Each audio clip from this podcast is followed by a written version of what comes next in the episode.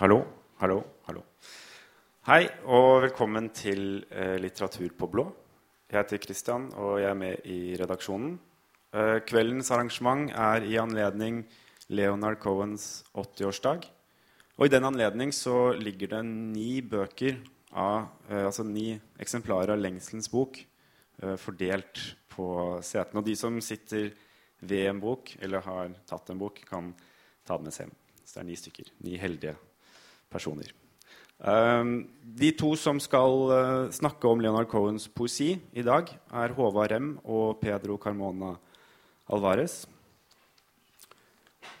Håvard Rem debuterte i 1997 med diktsamlingen 'Kall på heltene'. Og i 2012 utga han samlingen 30-40-50. Han har gjendiktet to bøker med Leonard Cohens lyrikk, 'Dikt om kjærlighet og hat' og 'Slavenes energi'. I tillegg til Cohens sangtekster på albumet hadde 'Månen en søster'. Og denne sommeren og høsten har han hatt en serie om Leonard Cohen på NRK P2. Og den avsluttes 20.9. Pedro Carmona Alvarez debuterte med diktsamlingen 'Helter' i 1997. Siden debuten har han utgitt ytterligere tre diktsamlinger, tre romaner og en essaysamling. Hans siste bok, uh, diktsamlingen 'Sanger om kor', ble utgitt i fjor. Pedro Carmona Alvarez er også musiker i flere band, som Sisters Sonny og Moon Pedro and The Farm Street Orchestra. Og da uh, ønsker jeg Pedro Carmona Alvarez og Håvard Rem velkommen opp til scenen. Overlater ordet til dem.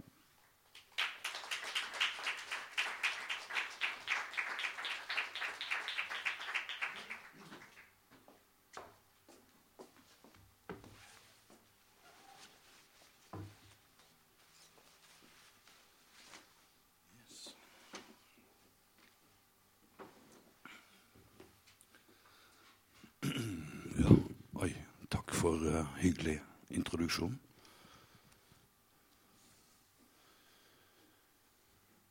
Takk for hyggelig introduksjon. Uh, Leonard Cohen var 22 år gammel uh, da han debuterte med en uh, diktsamling i Montreal.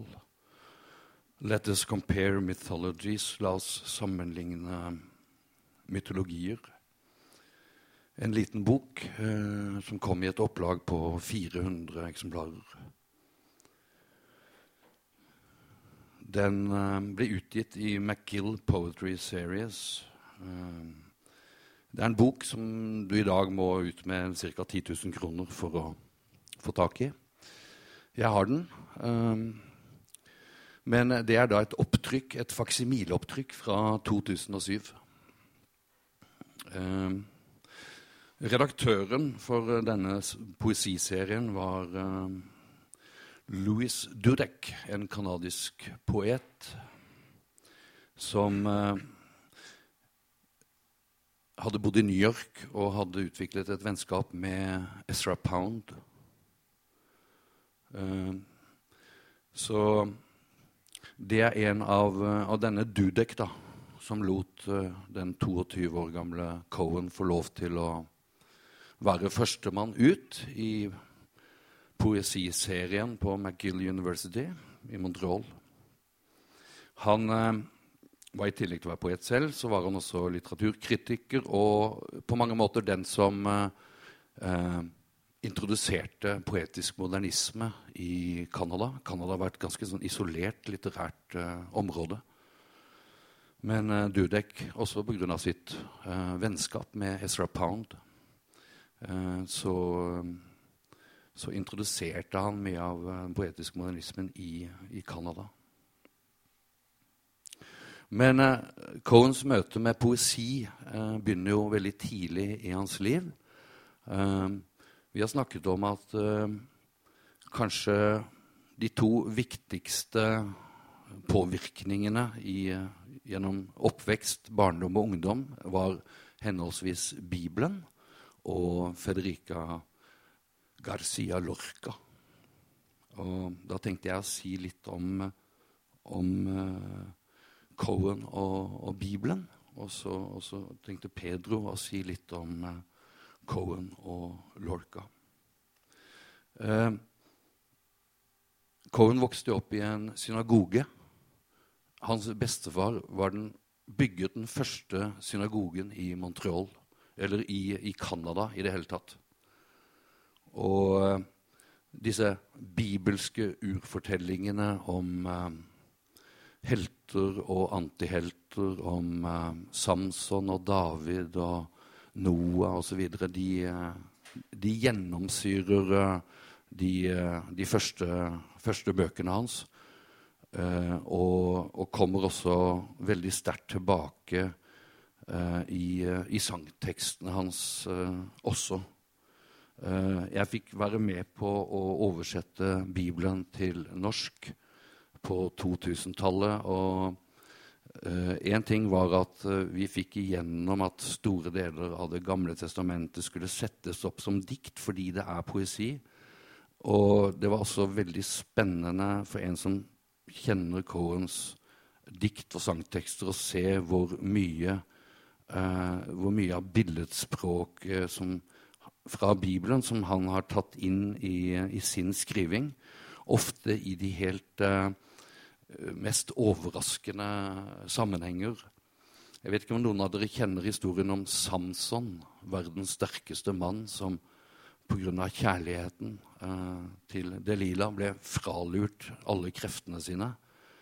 Eh, historien om Samson, som han også bruker i Halleluja, i den sangteksten til eh, sangen Halleluja. Så den ender jo med at uh, Samson fordi han røper sin hemmelighet, at kreften er i det lange håret til Delila, en sånn søt natt de har sammen så blir han uten krefter tatt til fange av filisterne. Så ender det med at han, uh, filisterne skal ha en sånn stor fest da, for at de har klart å ta Samson til fange. De stikker ut øynene hans og binder ham til søylene som uh, bærer det, det, store taket hvor de har denne festen. Og så ber Samson uh, en sånn siste bønn til Gud da, om at gi meg kreftene tilbake, liksom bare for én, én en siste gang. Og så hører Gud hans bønn, da, sånn at uh, der Samson står bundet til søylene, så får han plutselig kreftene tilbake. Og da river han søylene han er bundet til, slik at taket styrter sammen, og 4000 av filisterne omkommer. Og dette bildet av den blinde Samson som river søylene, det bruker Cohen i et veldig tidlig sånn ungdomsdikt, hvor han beskriver en uh, en jente som utfører munnsex på ham. Og så akkurat i det øyeblikket eh, hvor, hvor, den unge Leonard står der da, og blir, og, og blir, blir sugd, så til slutt så, så, må han bøye seg fremover idet det går for ham. Og når han skal da finne et bilde på, på, det som skjer med ham, akkurat det øyeblikket så bruker han dette bildet om Samson som, som river ned søylene.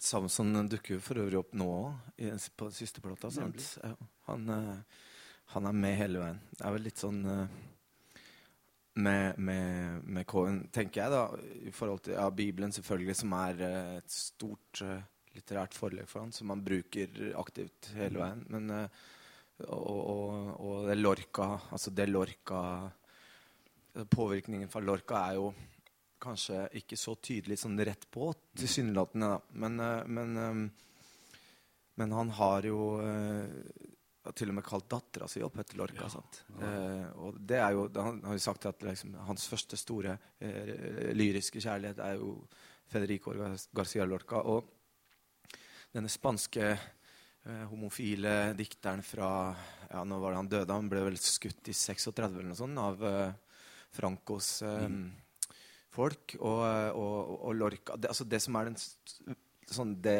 virkelig store den genistreken til Lorca i spanskspråklig litteratur, er jo det at han tar en veldig utskjelt tradisjon, som er da sigøynermusikken, sigøynersangen, sigøynerballaden, deres fortellinger, deres arv, deres, eh, deres tradisjon, og, og, og, innlemmer den da eh, i spansk litteratur ved å eh, blande den sammen sammen med, med, med spansk gullalderdiktning. Altså, han er veldig sånn, opptatt opptatt og, og inspirert av, eh, av barokken. Altså gullalderdikterne. Gongora, blant annet.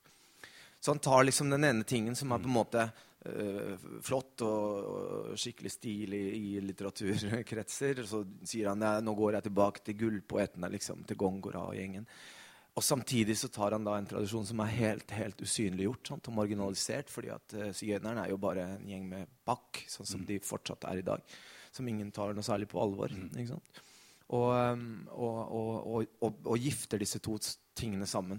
Og når Lorca begynner å gjøre disse tingene, så er det jo uhørt, mm. det han gjør.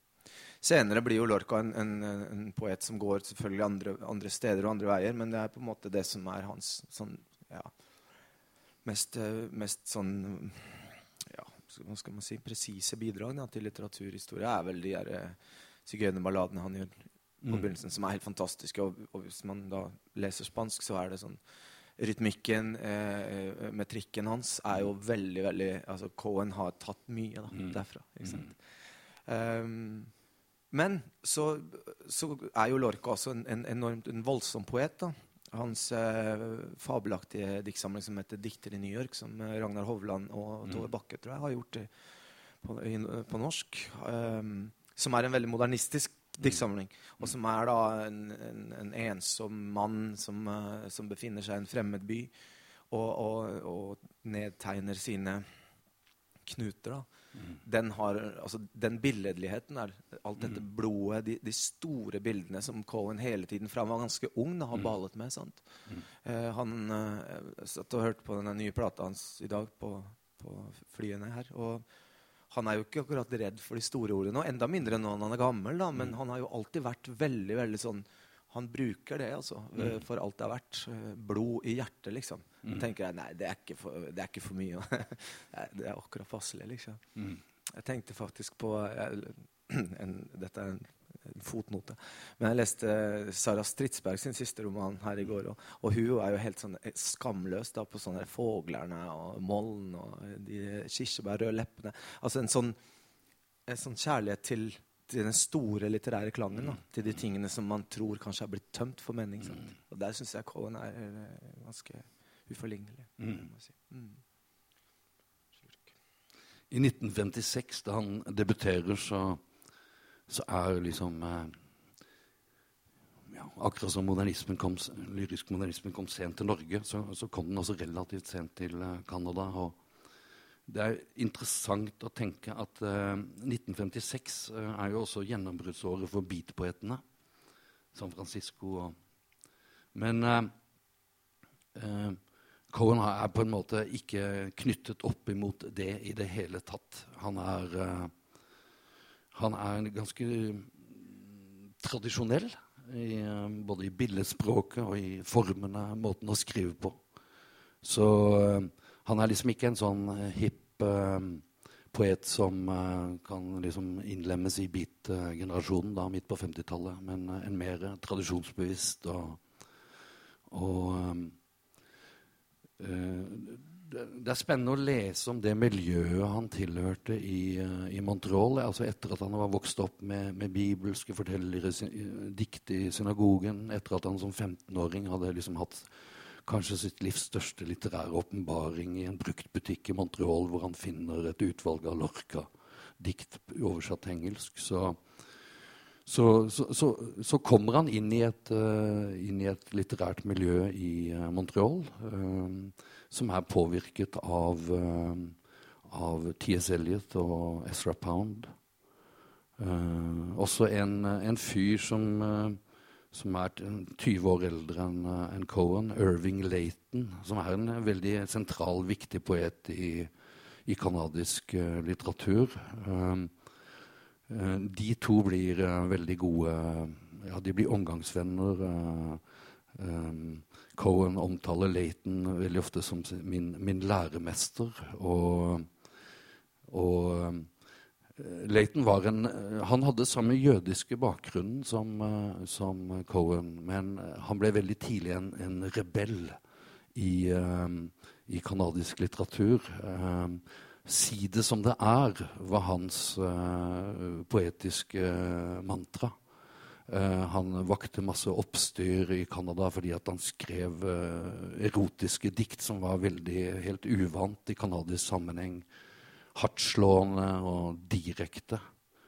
Og uh,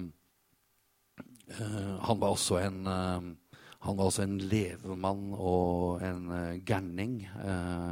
Hans femte kone var 48 år yngre enn ham. Og, og han han fikk en enorm betydning for, for Cohen, også, også, i det fordi at I tillegg til å være på mange måter en, en tradisjonalistisk poet, for, også i måten å skrive på, bl.a. i bunnen form, ballader, så, så, så, kom jo veldig tidlig også dette direkte, nokså knallharde uttrykket til syne hos, uh, hos uh, Leighton. Og, og, nei, hos, hos, Cohen, og det, det, det, kan nok føres mye tilbake til, til Irving, Irving Layton. Det, det, er jo litt sånn altså det, der, det som du sier med Jeg husker da jeg begynte altså Da jeg var ungdom og, og, og kjente til uh, Dylan selvfølgelig og en del andre sangere, og Cohen alltid liksom i, helt sånn ute i ytterkantene, så tenkte jeg sånn, han er en sånn fyr som du kanskje burde sjekke ut. Eller, han er en sånn gammel 60-tallsfyr, og jeg likte 60-tallsmusikk. Men jeg kom aldri helt dit uh, før jeg begynte å lese han. Men, men um, det, det, finnes jo en sånn uh, en, en sånn, uh, Det fantes i hvert fall en sånn slags formening om at Cohen var en sånn koselig onkel som han kunne være litt sånn halvdeprimert til. og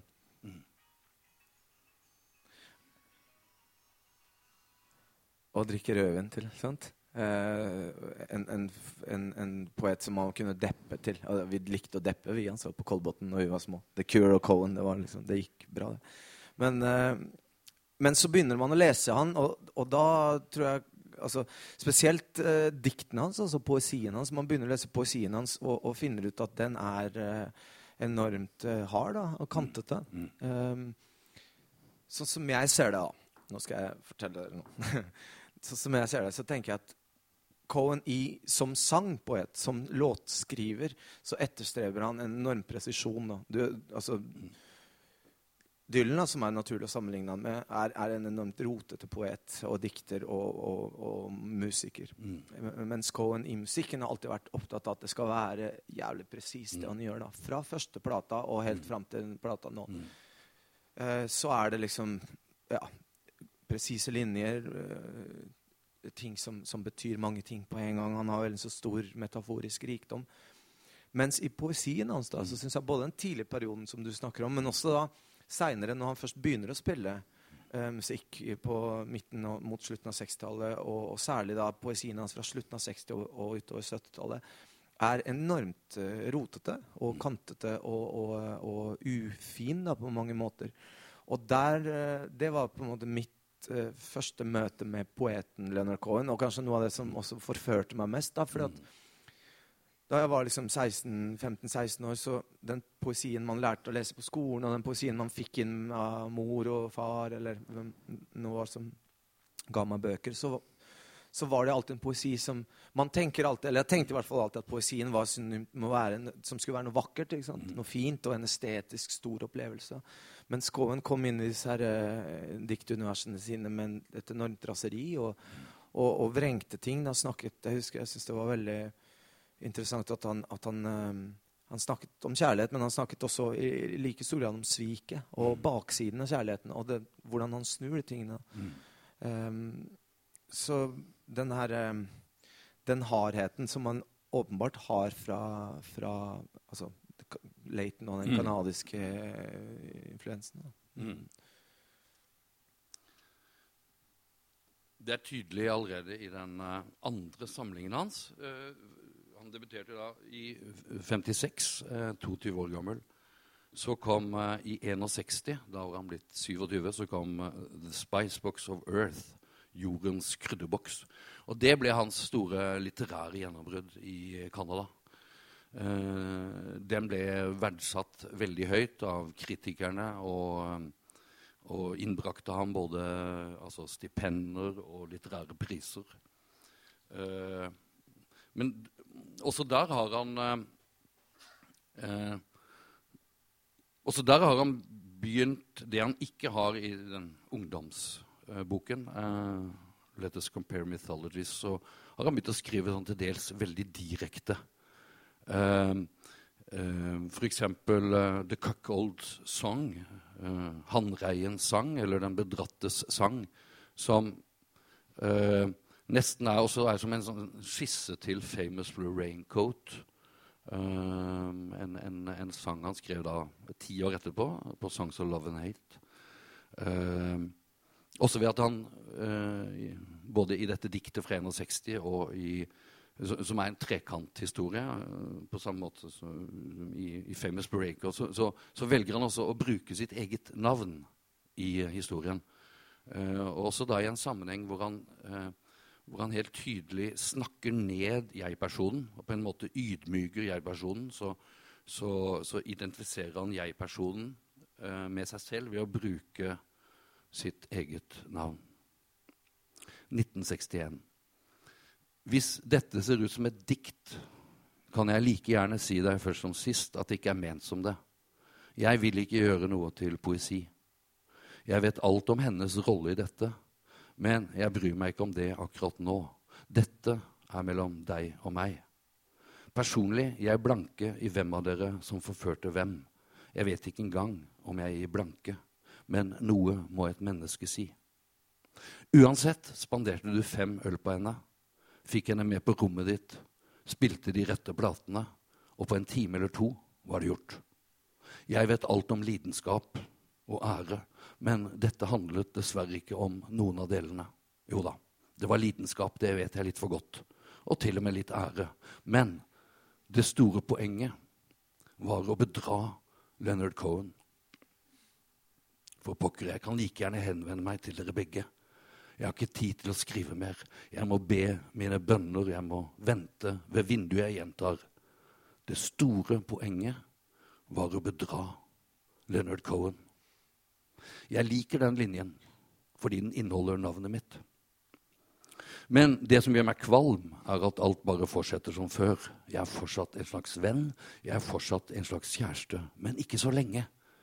Det er derfor jeg sier dette til dere begge.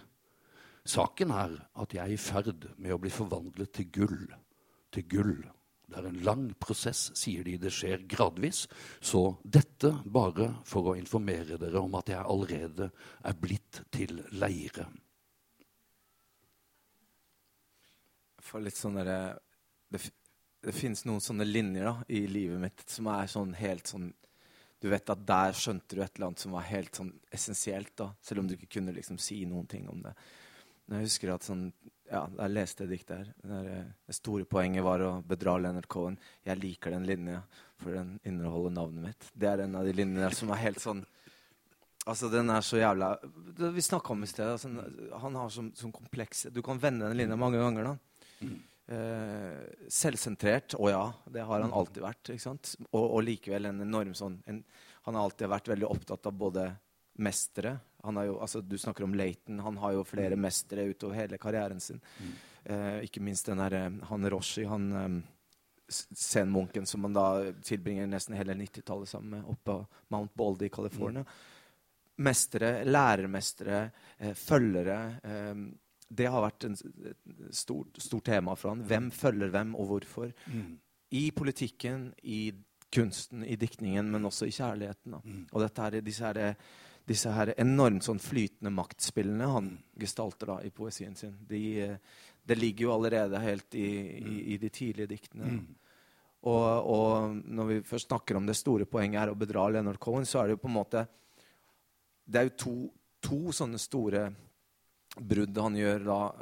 Først så begynner han å skrive romaner. Han, han, han, går fra poesien over til Først skriver han en ganske konvensjonell roman, som er en sånn nøkkelroman, oppvekstroman.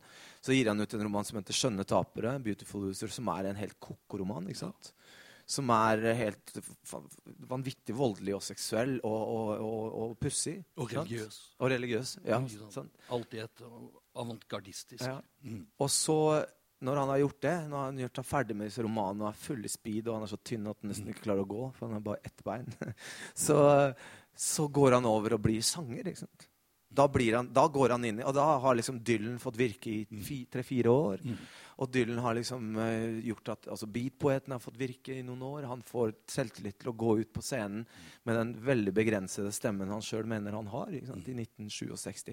Så bryter han med seg sjøl igjen som litterat. For det er jo det som også var en sånn stor overraskelse for meg da jeg begynte å liksom, uh, dykke ned i Cohens ting. At han hadde faen meg vært forfatter i over ti år liksom, mm. før han blir den verdensberømte sangeren mm. som uh, som han blir da på slutten av 60-tallet. Mm. Og så følger disse her bruddene hele veien. Mm. Poen, det store poenget mm. var å svikte Leonard Cohen. Han mm. svikter seg sjøl. Eh, veldig mange ganger. da, eh, oppover. Dette kan godt hende det er en sånn romantisk lesning òg. Mm. Men, men, eh, men, det er tydelig at det er på en måte eh, en strategi da, som han hele tiden har, eh, har jaga etter. Da. Eller er du, er du enig, Håvard? Jeg er helt enig. Og det, det er jo på en måte hans Altså En av hans viktigste påvirkninger og, og læremestere, i tillegg til Lorca, Bibelen, Estra Pound og Eric Clayton, det er, altså det er uh, den syv år yngre Bob Dylan. Fordi uh, i 1966, når, når Cohen har utgitt 'Skjønne tapere', Eh, som virkelig eh, innbringer ham litterær suksess. Den blir til og med omtalt i New York Times. Det var ikke mange canadiske romaner på den tiden som blir omtalt i New York Times. Så, så, og han har liksom brukt hele helsen sin på, på å ferdigstille dette stormannsgalleverket. Så opplever han jo også at på tross av litt, altså kritikersuksess, så, så selger den 3000 eksemplarer i Canada. Han, han kan ikke leve av det. Og det er på dette tidspunktet han også da får høre Altså Cohen hadde jo et band i tenårene, The Buckskin Boys. Eh, på dette tidspunktet, eh, ja, drøyt 30 år gammel, så får han altså høre Bob Dylan. Eh, og for, for, for, uh, for, Cohen så var det et sjokk. Fordi han opplever da at, uh, at det er mulig å å skrive litterært, skrive poesi uh, i, på, et, på, et, platealbum. Og det, det, sender han ut på en helt ny eh, retning. Han drar til eh, Nashville. Han vil, eh, han vil, skrive et album. Han vil, han vil, utgi musikk. Og det er en dør som i veldig stor grad Dylan åpner, åpner for ham. Og, og i det i den siste diktsamlingen han utgir før, før platedebuten, 'Parasites of Heaven', så har han tatt med noen av de beste sangtekstene sine, som kommer på debutalbumet eh, halvannet år etterpå. 'Master Song', 'Suzanne' og 'Teachers'.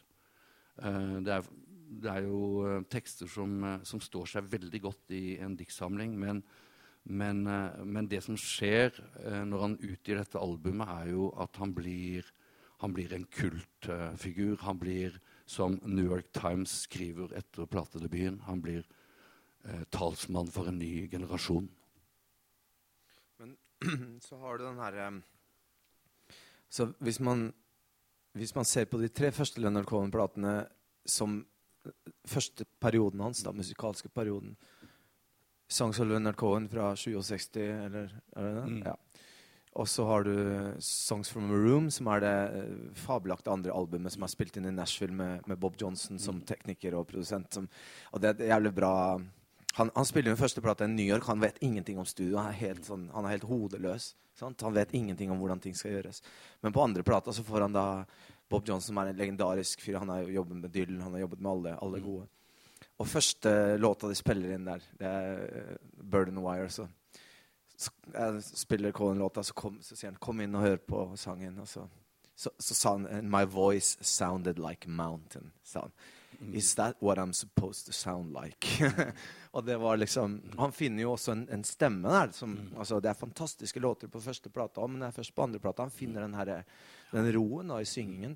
Og tredje plata igjen, da, som da og det må vi nesten snakke litt om. Mm. Tredjeplata, 'Songs of Love and Hate', som er kanskje den, den mørkeste plata han har gitt ut jo, er jo en slags sånn to sånn dyptikon da, med, med den uh, fantastiske diktsamlingen som heter 'The Energy of Slaves', som du mm. har gjendiktet, og som da var ja, et mitt, mitt, første møte med Cohen som poet da jeg var ung. Og, um, og den her um, forvandlingen fra Første plate er da dikt som han har satt musikk til. Uh, sant? Og, og, stor uvitenhet om det soniske ved å lage en plate. Så har du andre plata hvor han liksom finner seg sjøl som låtskriver og, og, på en måte utvider også den soniske paletten sin. Sant? Og så har du tredjeplata hvor han igjen kaster alt dette på båten. Ikke mm. bare musikalsk, men han da bryter også opp med sin egen poetiske praksis da, ved å gi ut en diktsamling. Og det, det, her er den andre store tingen da, fra, fra ungdommen for meg. Alle diktene du fikk uh, utdelt på skolen, all poesien du leste, uh, hadde fine titler. Jeg husker det var sånn. Jeg leste mye Lars Aabye Christensen-dikt, og sånn, og det er ingenting uh, vondt om det fantastiske, fine dikt han også har. Men men de tingene het sånn 'Gutta' og 'Bestemors hår' og det hadde fine titler. da, Så åpner det opp eh, 'Slavenes energi'. da. For det første så er tittelen helt enormt eh, eh, kødden å, å, å, skjønne. da, For at du tenker sånn slavene, jeg, jeg Har ikke egentlig en slave ingen energi? da? Et, et, menneske som har blitt tråkka på, spytta på, dratt rundt, utnytta, det er jo energiløst. Det er jo tappet for energi. Mm. Men nei, han, han, snur den tingen også og sier at det, det raseriet og, og det sinnet som finnes da i den bedratte, den forsmådde Det er jo det han på en måte um, gjør om til poesi. da. Og disse diktene har ingen titler. da. De har et barberblad for, for, altså, som tittel. Hvert eneste dikt har et barberblad. Og det barberbladet, altså, det ja, åpnet opp mange ting da, for meg mm. sånn i, i hodet da jeg var liten det eh, som skjer med, med Cohen der rundt nå er det 71, 70, mm. 71, er da altså læreperioden. Da. Der er han eh, etter min mening på sitt mest uryddige og mest krakilske, men også på sitt mest interessante som, som poet. Da, både når det gjelder sangtekstene og, og, og, og den rein mm. litterære er, du, er, er, du, enig i dette? Ja, altså noe Forhistorien til Energy of Slaves er jo at etter platedebuten, 'Songs of Love and Hate', som, som gir ham en, en helt, uh, helt, unik uh, internasjonal kultstatus Om han var blitt drevet inn i musikken fordi bøkene ikke solgte, så fører musikken til at bøkene hans begynner å selge. hans poesiforlag ser jo da sitt snitt etter platedebuten til å utgi en veldig fin utgave av altså utvalgte dikt. Fra debutsamlingen i 56 og frem til Parasites i 1966. Og det er jo da altså Selected Poems. Uh, den selger jo da i jeg, jeg, tror det var 300 000 eksemplarer. Uh, så det liksom befester da Altså alle de som har kjøpt albumet hans, kjøper også Selected Poems. Og det at, uh, det at denne mystiske kultfiguren som har debutert med dette depressive albumet, i tillegg viser seg å, å skrive fabelaktige dikt og har en lang historie på dikt, det, altså, det bare øker jo hans kultstatus enda, enda mer. Og når han da skriver 'Energy of Slaves' etter å ha avsluttet sin albumtrilogi, så er jo det en ekstremt negativ bok med i veldig stor grad det jeg vil kalle antidikt. Eh, hvor, han, eh, hvor han ikke bare prøver å ødelegge diktet så fort det begynner å bli vakkert, men hvor han også prøver å etter beste evne å ødelegge sin egen kult, eh, internasjonale kultstatus. Og faktisk så gjør han det så bra at han i veldig stor grad lykkes. Kritikerne hater boken. Han blir stemplet som sexistisk, han blir stemplet som eh, vulgær. Og, og, på den måten så oppnår han faktisk sitt forsett med boken, da, som var å, å bryte ned sin egen eh, status. Det går jo nedover med han fra, det, fra 71 mm. fram til 88, da liksom I'm Your Man, mm. altså der han på en måte um, kommer opp igjen da, fra ruinene som, som, en helt annen type. da. Altså den, den K-en fra 71 er jo den herre altså, En annen ting som er fint med, med Energy of Slaves-boka, er jo det, det, at det er jo han på coveret. Han er jo på bokomslaget. Tynn. Han står med sånn hvit skjorte inntil en vegg. Han ser ut som der, um, en, en, jøde fra, liksom, som nettopp har kommet ut av, av uh, konsentrasjonsleir. Drittynn. sånn bleik med en sigarett i hånda. Han ser, ikke veldig, um, veldig frisk ut. da. Og det er, er, jo en ting altså, det jo ikke, altså, Når man gir ut bøker, da, så skal man jo ha bilder av liksom, hus og en krusedull. Og, ikke sant? Man skal jo ikke ha bilder av seg sjøl. Det er jo på en måte rockeverden som driver med det. Sant? Og det å, altså, Han står og stirrer jo på deg. ikke sant? Han står og ser på deg og røyker og tenker sitt. Og, og det er den figuren da som, som på en måte spenner bein på seg sjøl i 71. Og så har du hele 70-tallet hvor han liksom snubler noe rundt da, og, og er en sånn han er jo med, men han, i mindre og mindre grad. ikke sant? Og det når jo liksom helt sånn bånd på 80-tallet, da liksom plateselskapet hans ikke ville gi ut plata. den Various Positions-plata fra 84 mm. i USA. Han blir droppa fra plateselskapet. Uh, I Norge blir han liksom en stor hit. Da. Men ellers så er det liksom ingen som gidder å høre på han. Før da i 88, når han kommer da ut med My Og da har han på en måte en helt annen altså Da har han jo gjennomgått en sånn en metamorfose. ikke sant? Kommer han ut, og så er han den, der, den mannen i dress som står og spiser en banan. Mm. ikke sant? Og mørke solbriller, jævlig sharp, gråhåret. Mm. Og, og, begynner å turnere med disse her, i forhold til liksom, de bandene han hadde på 70-tallet, mm. som var raggete katter. sant? Bob Johnston og gjengen. Mm. Masse hår, orgler og skitne menn. Men så kommer han tilbake i 88 med liksom helt sånn impeccable bands. Ikke sant? Rolig. Og, og, så blir han den andre mannen da, som som er den mannen som vi altså Som har vart siden. Da. Han har jo bare grodd inn i den rollen. Og hvis du ser han i dag på scenen, når han kommer ut og hopper ut med de hattene sine, og, så er han på en måte bare en forlengelsen av den mm. figuren han på et eller annet nivå må ha funnet opp. da, på, på Men det var, en, det var, en, lang vei dit. Da. Også fordi uh, etter uh, Energy of Slaves, så uh, Som kom i 72 uh, så utgir han jo en enda mer trøblete og vanskelig bok med 'Death of a Ladies Man' i ja. 78. Også den knyttet til et album. Ja. Han er så frekk, vet du. Han, han gir ut, Har dere sett coveret på 'Death of a Ladies Man'? Hvis man, altså, hvis man har en plate på vinyl, så bretter man ut plata sånn. Så sitter han liksom sånn, litt sånn bleik og, og tynn ennå. Så har han liksom to, en sånn en blond dame her og en brunett der. Mm. Kjempevakre damer da, på restaurant. Liksom. Det er et sånt snapshot. Bare ser liksom sånn 'Death of a Ladies Man'. Og plata heter 'Ladies' med IE, sant? i flertall. Death of a Ladies Man. Boka som kommer ut i året, som vi kan snakke litt om, som er en, også en veldig raggete bok, heter 'Death of a Ladies Man' med Y. Da, altså én dame. Uh, beklager, jeg avbrøt deg. Nei, det, vi, må innom, uh, vi må innom 'Death of a Ladies Man', altså, fordi den uh, Det en For å gi et eksempel på hvordan han skriver i 'Energy of Slaves' Altså, det som tidligere var mer litterære metadikt, er nå blitt en slags metadikt som reflekterer hele hans kultstatus, som han forsøker å oppløse.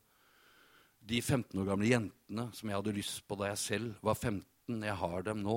Det er veldig deilig. Det er aldri for sent. Jeg råder dere alle til å bli rike og berømte.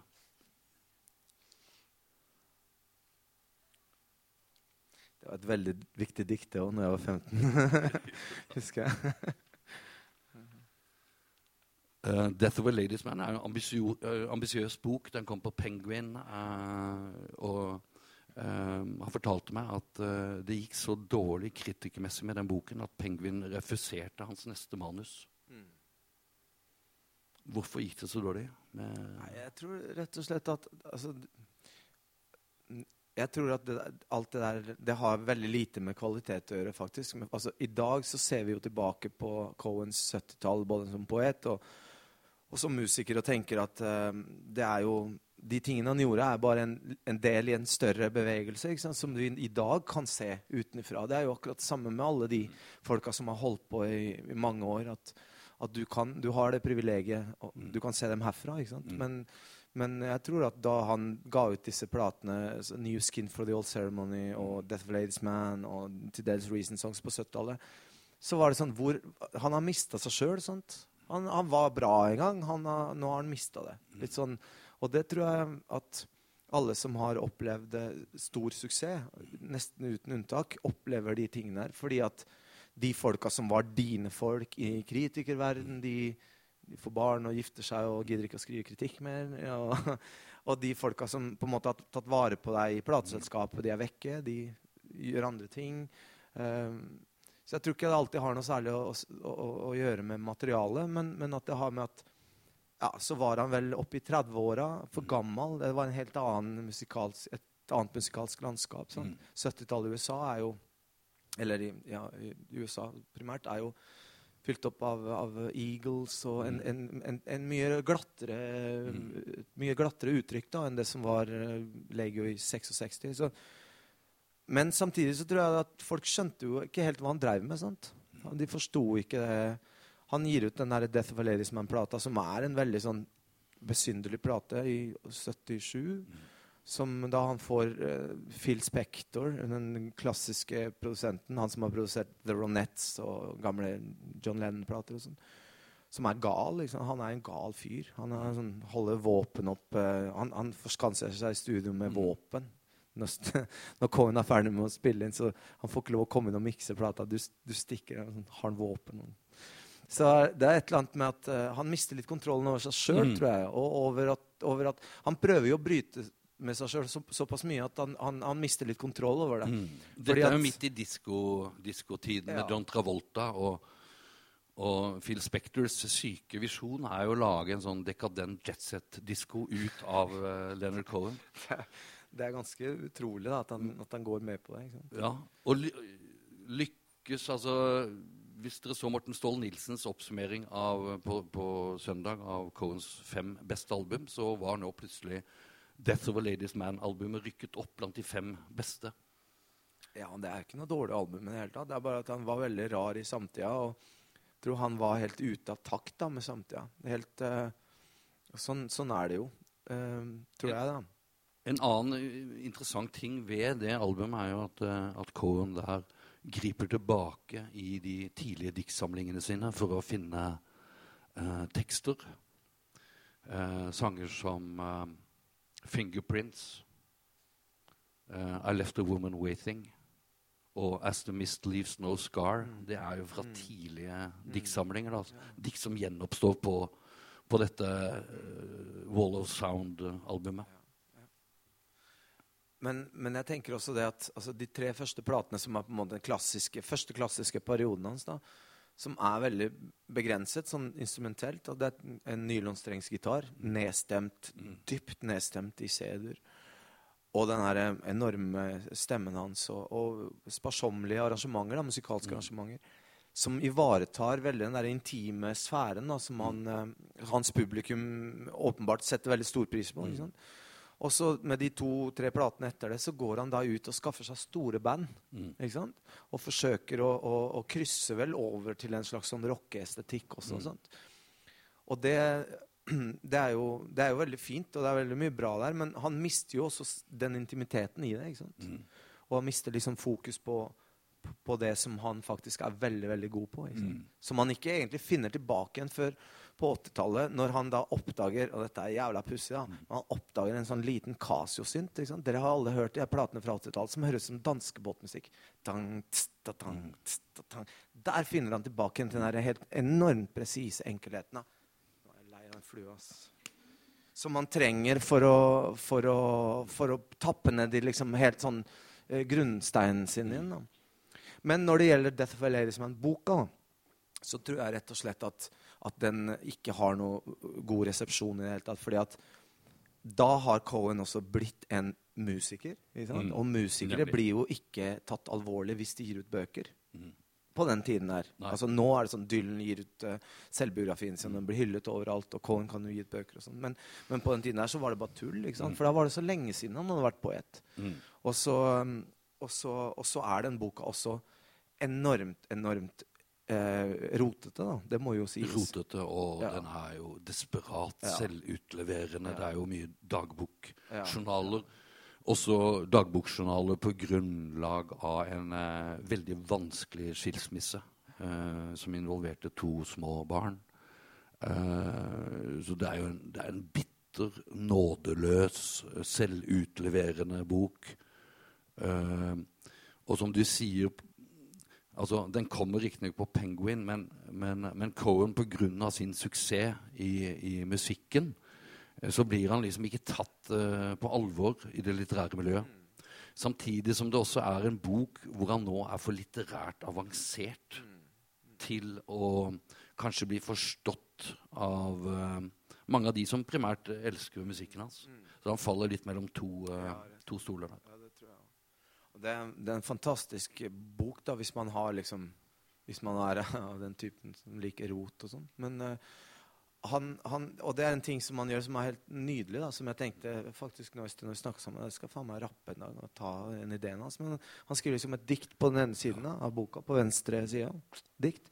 Og så skriver han et dikt, eller en, et motdikt eller et svardikt mm. på høyresida i kursiv. da, Hvor han uh, opplyser deg ofte om hvor uh, dette diktet ble skrevet, gjerne. eller at han ikke liker de tre midterste linjene. De er veldig dårlige, så han vil bytte dem ut med noen andre linjer. som han altså, Det er på en måte en sånn revideringsarbeid da, hele veien. Og, og, veldig som du sier da, veldig selvutleverende. Mm. På, en, eh, på, en, måte som, eh, som nok uh, sikkert var veldig sånn ubehagelig og så, mm. uhåndterlig. At folk visste ikke helt hva de skulle gjøre med det. Og dette, dette å skrive én tekst og så en sånn kommentartekst mm. og, Han, han bygger opp veldig sterke motsetninger, f.eks. i uh, et av de hvor han tar liksom et oppgjør med, med ekskona si. Uh, så kommer 'You Have No Form' igjen. Uh, og som interessant nok er et ekstremt formfullendt dikt, da, selv om tittelen er 'You Have No Form'. For da velger uh, Cohen å skrive det diktet som en William Shakespeare-sonett. Uh, det er en form han er veldig glad i. Altså, gjennom nesten alle diktsamlingene hans så, så, har han en William Shakespeare, altså en Shakespeare-engelsk sonett. Uh, 4-4-4-2. Uh, utrolig formfullendt. Selv om da tittelen på diktet her er 'You Have No Form'. Men så kommer da svarteksten på neste side, hvor han fortsatt uh, henvender seg til sin ekskone, og, og, hvor han sier Uh, hvor han bare hugger ned nesten på sånne norrøne stavrim. They should cast your cunt in chrome for the radiator cap of a buke. jeg, hadde, jeg, hadde, en sånn jeg tror Feillesninger har vært en fruktbar ting da, for meg da jeg var liten. Og det er bra. Jeg syns det er ålreit. Um, I den boka så har han et dikt da, som er fabelaktig, som heter 'My Wife and I' hvor han uh, sier 'My wife and I, we da, vi, vi, vi Made love this afternoon. Ja, yeah, we made love this afternoon. Bla, bla, vi gjør det, vi gjør det, vi gjør det. Så er det mye sånn han og kona, liksom. Så det sånn, ja. Altså siste setning er 'And then I came down here to you'. Husker jeg. Han skriver sånn. Og jeg var da en uh, ja, over, overromantisk uh, ung mann som trodde på Fordi Cohen var så flink til å skildre de tingene for meg. Da eh, trodde på svik og trodde på kjærlighetsløshet og trodde liksom på at man skulle være drøy og sånn. Jeg leste alt det derre You som en annen kvinne, selvfølgelig. sant? Elskerinne. For dette har jo også Han er jo kanskje den som har eh, skrevet de, de beste og fineste låtene om disse trekantforholdene som du snakket om. 'Famous Raincoat', som er en fabelaktig sang, men også eh, 'Master Song', som du mm. også nevnte, som er, som er helt sånn utrolig komplekse og fine trekantdramaer. der eh, det ikke er noe sånn der bu-hu-hu, du dro av gårde med dama mi, men hvor han sier liksom Sånn i Famous Raincoat, hvor han sier Thanks for, for the trouble you took from her eyes. I thought it was there for good, so I never tried. Og det, er, det har så mye med sånn overgivelse å gjøre. Da. Du så noe hos min kjære som jeg ikke klarte å se. Derfor dro du av gårde med henne. Nå sitter jeg her igjen som en tosk. da. Men den her You, and then I came down here to you, det tenkte jeg alltid på sånn Det er liksom elskerinna. Fett. det var liksom gøy da når du var liten, eller i 20-åra. Og, men så, så altså, Og det tror jeg er en grunn til at, Og det vil jeg gjerne si litt om. altså. Det er en grunn til at denne fyren og, og, noen forfatterskap, noen diskografier, er ting som jeg aldri slutter å høre på, aldri slutter å eh, lytte til, aldri slutter å bry meg om. Fordi at de fortsetter å svare deg. Da. De fortsetter å gi deg mat. da. Denne fyren her jeg har hørt på siden jeg var liksom 15 år.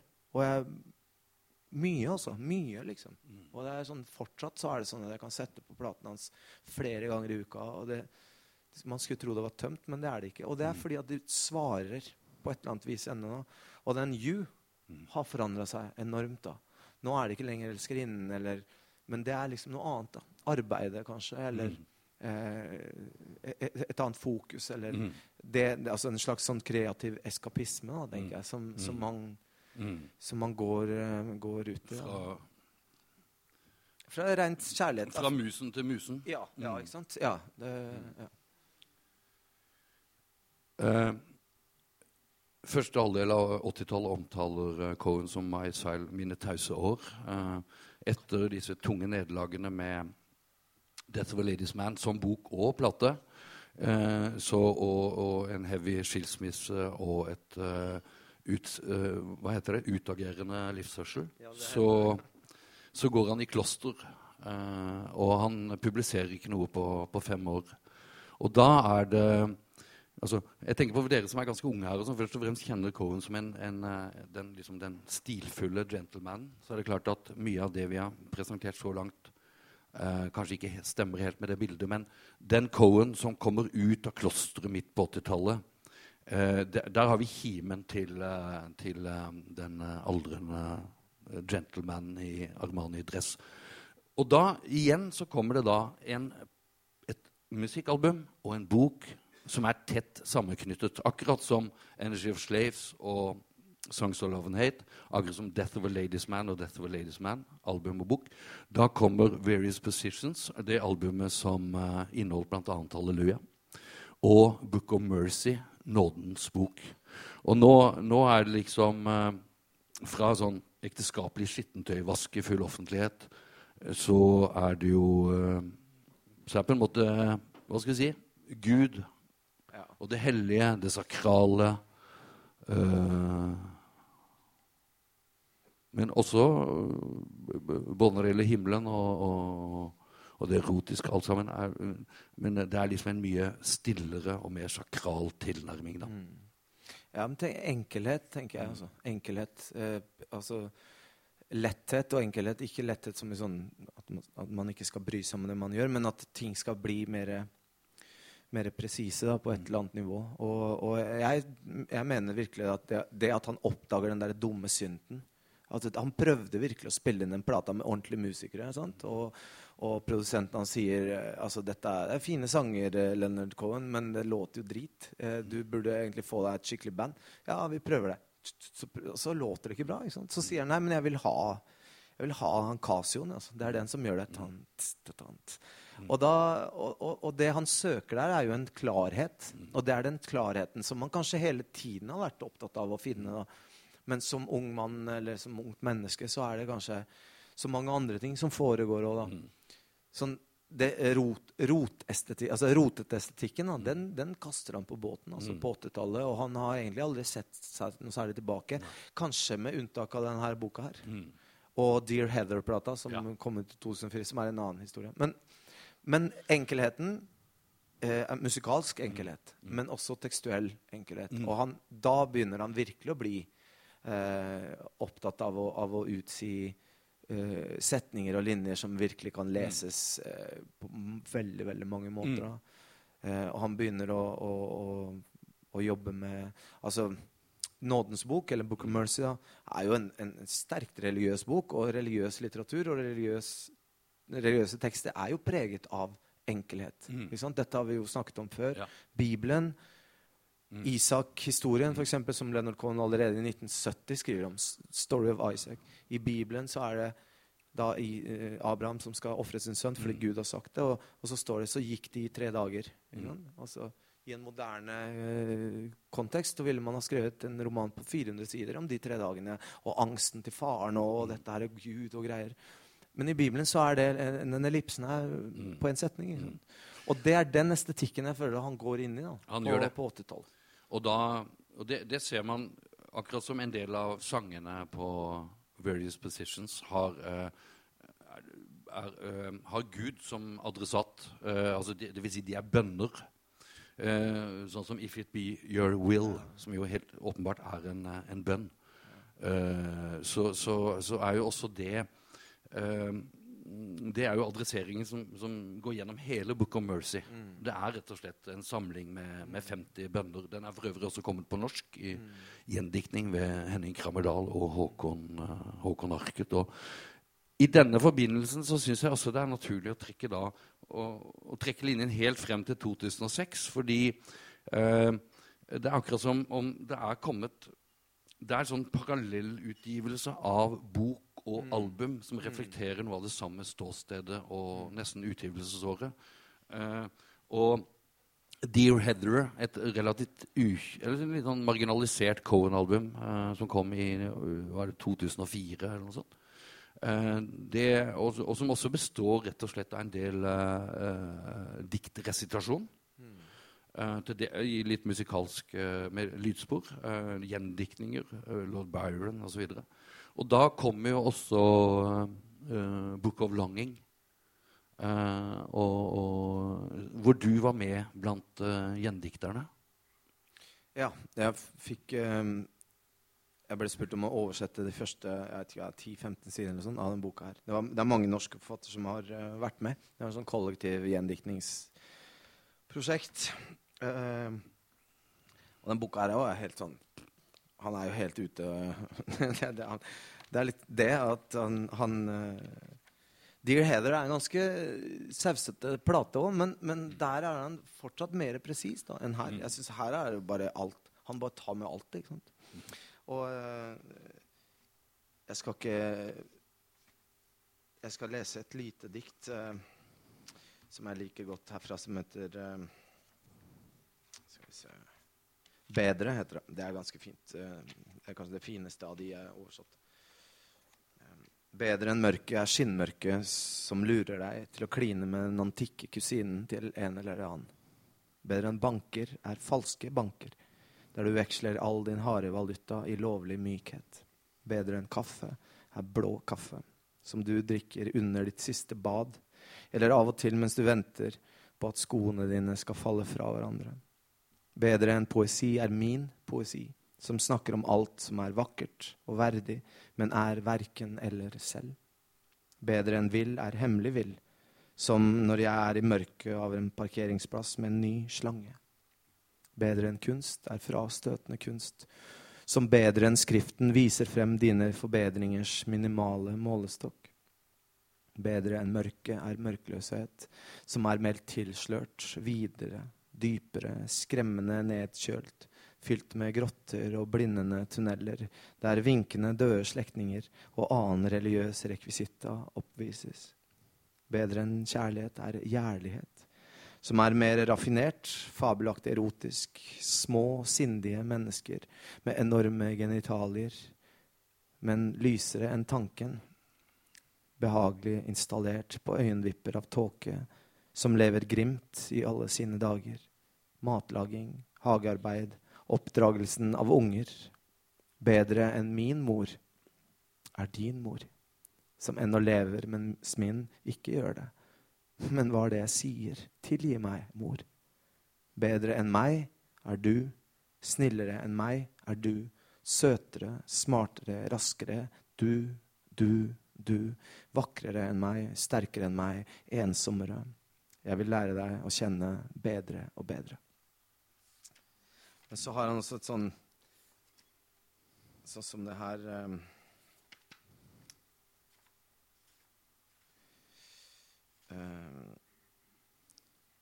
Et ting som heter 'Andre forfattere'.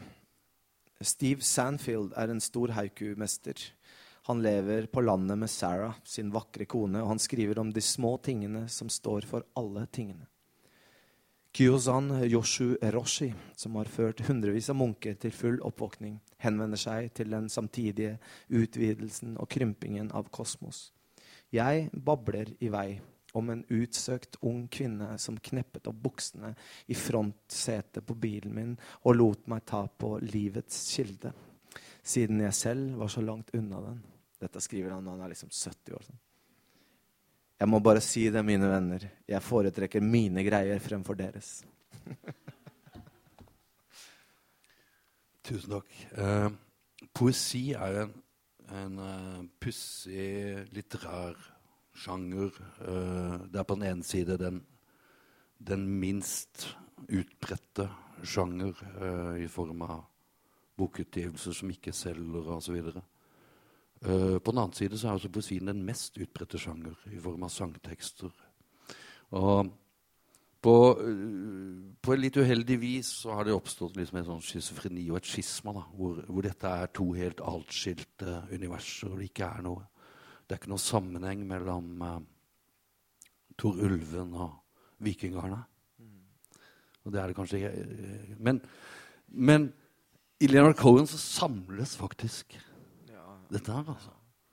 Men det er jo det er fint at du sier det, for det er jo Det er jo det man, man må forstå, at poesien er liksom ikke bundet til å være hermetisk vanskelig på en side. Altså det er, poesien begynte ikke med Mallarmé, liksom. Og det tror ofte alle vi som har vokst opp med modernismen som liksom vår store far. ikke sant? Vi tror at, at Mallarmés blankhet og, og, og, og elliptiske vesen er er liksom den tradisjonen poesien blir født i. Og, og, og den, det, er, det er jo ikke sant. Det det er ikke sant i det hele tatt. Og en av dem som så det glassklart, det var jo en av, en av altså den poetiske modernismens viktigste gudfred, altså Ezra Pound, som eh, i tillegg til å skrive en sonette hver, før frokost hver dag Uh, Jeg tror kanskje det er i den tradisjonen uh, Cohen har skrevet sine sonetter også. Så, så sier jo Pound at uten Altså På samme måte som musikken dør uten dansen, så, så dør poesien uten musikken. Jeg, jeg tror det er liksom en stor plass da, i verden.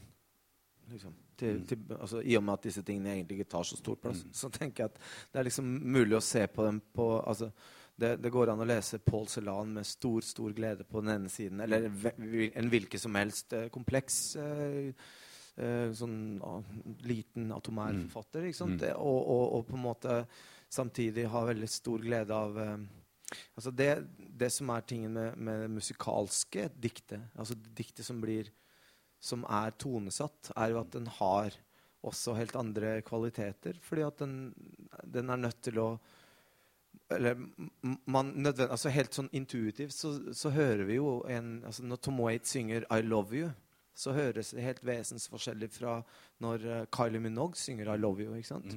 Og ikke, jeg mener ikke bedre eller verre, bare annerledes. Ikke sant? Det er to forskjellige innstillinger til hvordan man leverer en linje.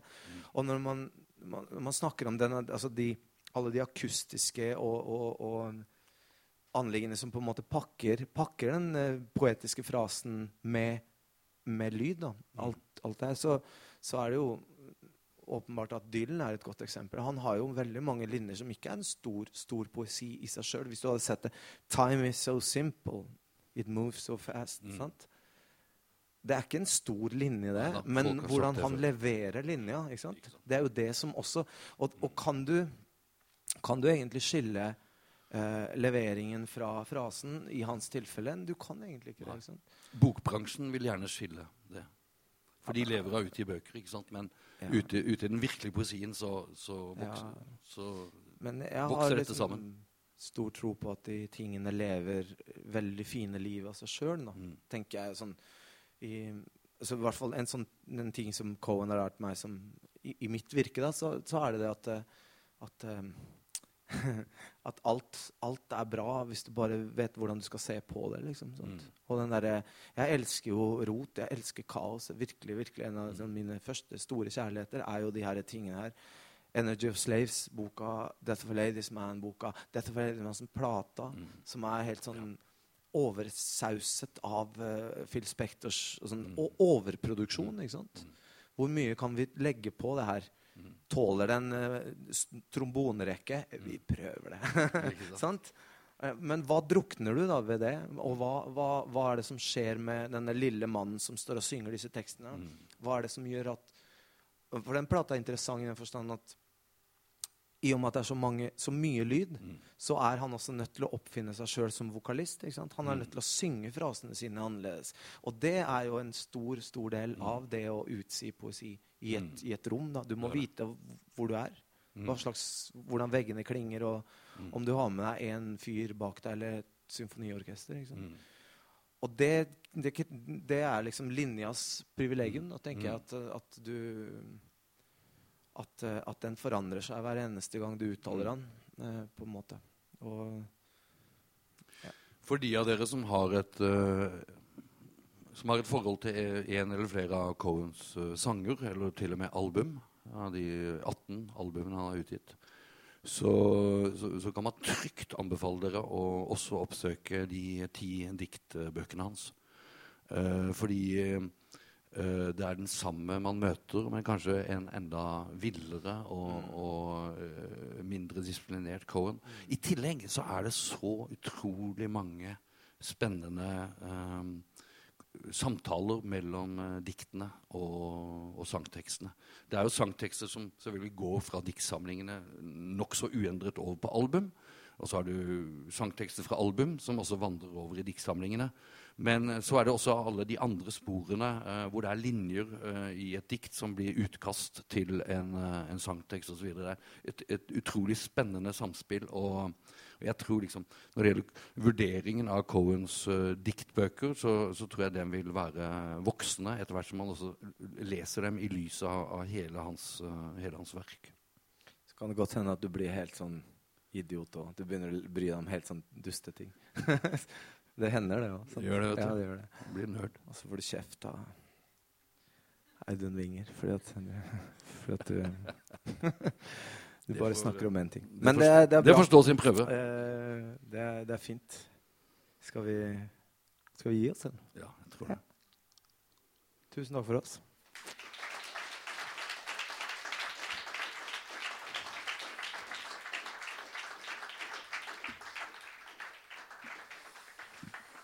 Ja, tusen takk, Håvard M. og Pedro Carmona Weiss, for en flott samtale.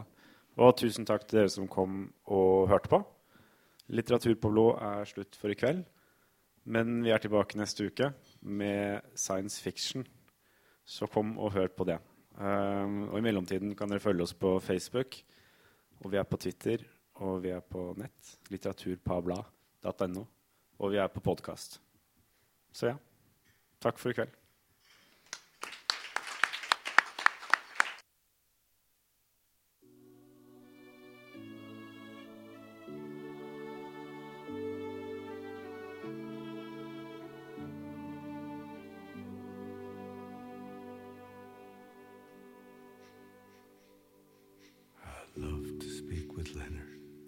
He's a sportsman and a shepherd. He's a lazy bastard living in a suit. But he does say what I tell him, even though it isn't welcome. He just doesn't have the freedom to refuse.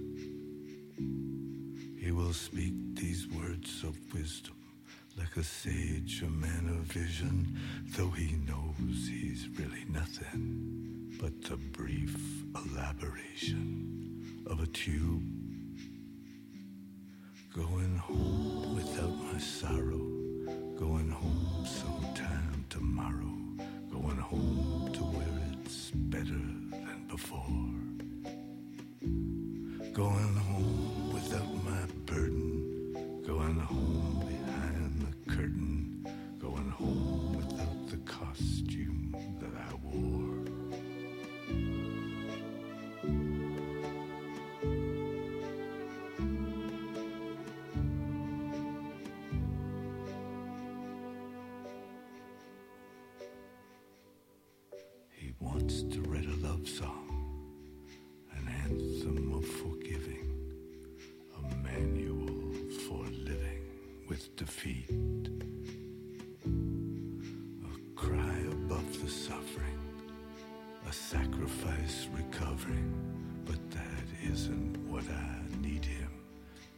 complete.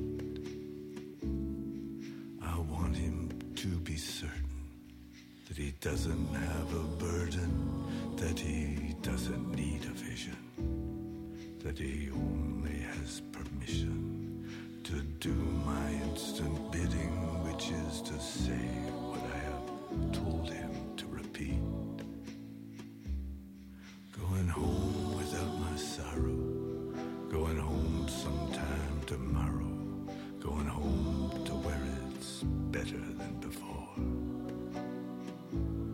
Going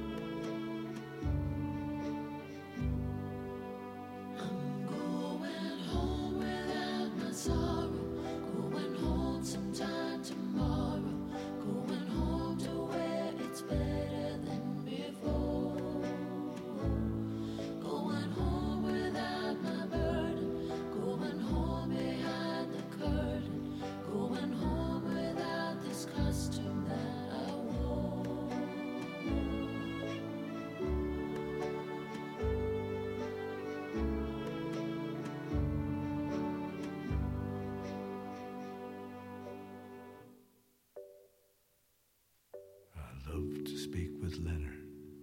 He's a sportsman and a shepherd. He's a lazy bastard living in a suit.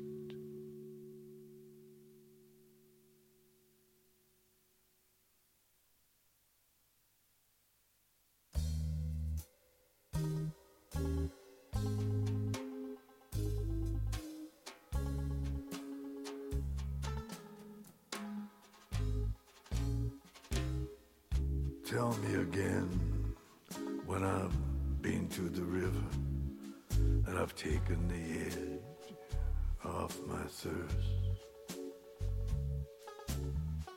Tell me again we're alone and I'm, I'm listening, listening so hard that it hurts.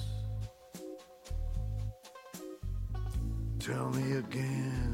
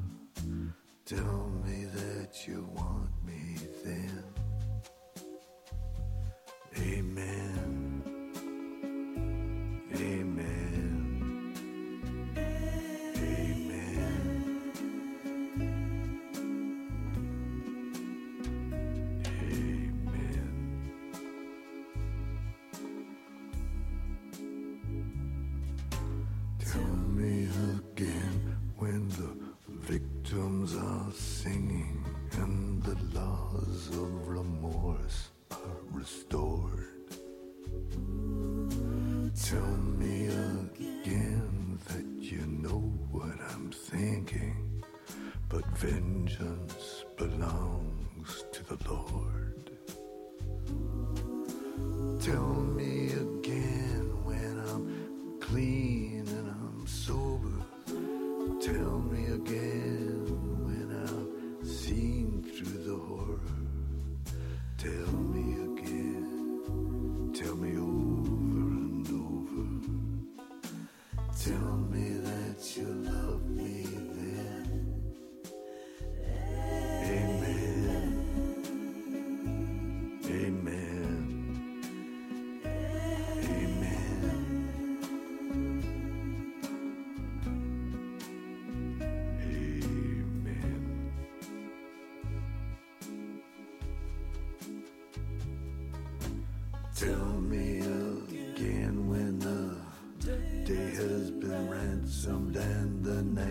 has no right to begin. Try me again when the angels are panting and scratching at the door to come in. Tell me again